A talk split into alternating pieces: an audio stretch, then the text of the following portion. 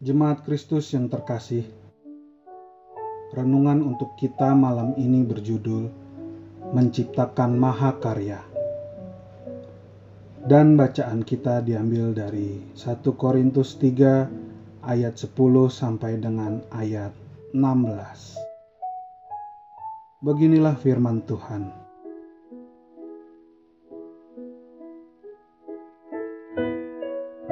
Sesuai dengan kasih karunia Allah yang dianugerahkan kepadaku, aku sebagai seorang ahli bangunan yang cakap telah meletakkan dasar, dan orang lain membangun terus di atasnya.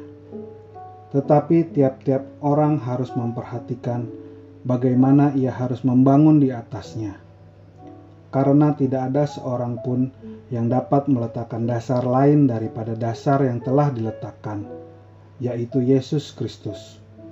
Entahkah orang membangun di atas dasar ini dengan emas, perak, batu permata, kayu, rumput kering atau jerami, sekali kelak pekerjaan masing-masing orang akan nampak, karena hari Tuhan akan menyatakannya.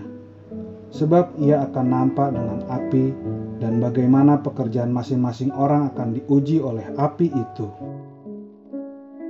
Jika pekerjaan yang dibangun seseorang tahan uji, ia akan mendapat upah. Jika pekerjaannya terbakar, ia akan menderita kerugian.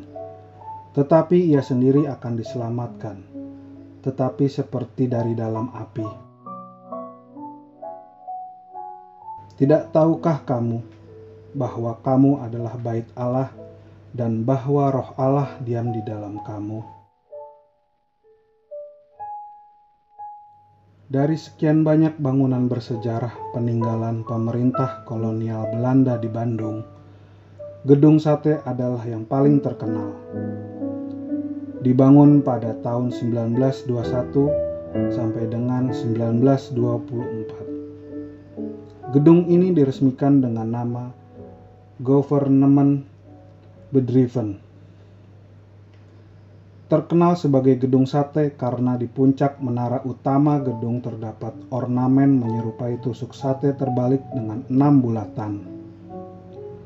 Enam bulatan itu bukan tanpa makna, melainkan menunjukkan biaya untuk membangun gedung megah dan kokoh tersebut.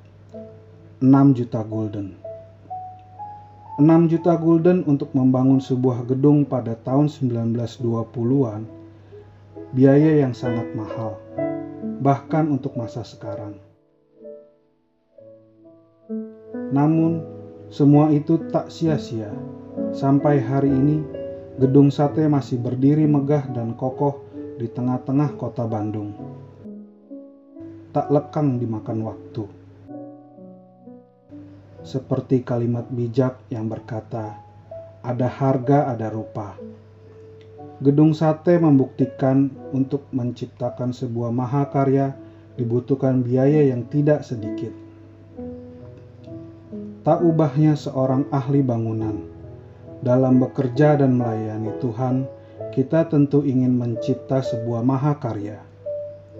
Faktanya, sebuah mahakarya tak dapat dicipta dengan modal waktu, tenaga, materi, dan sikap hati sisa-sisa Sebaliknya dibutuhkan waktu, tenaga, materi, dan sikap hati kualitas nomor satu.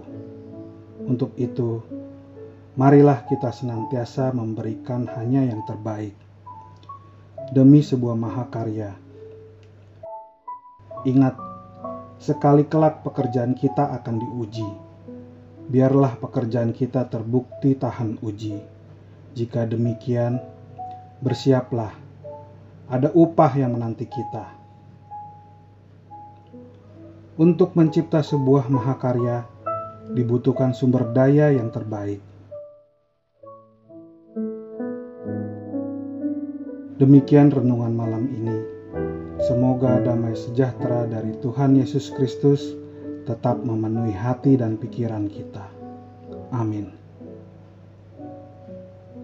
Jemaat yang terkasih, Mari kita bersatu hati, masing-masing menaikkan pokok-pokok doa yang ada dalam gerakan doa 21 GKI Sarwa Indah. Mari kita berdoa.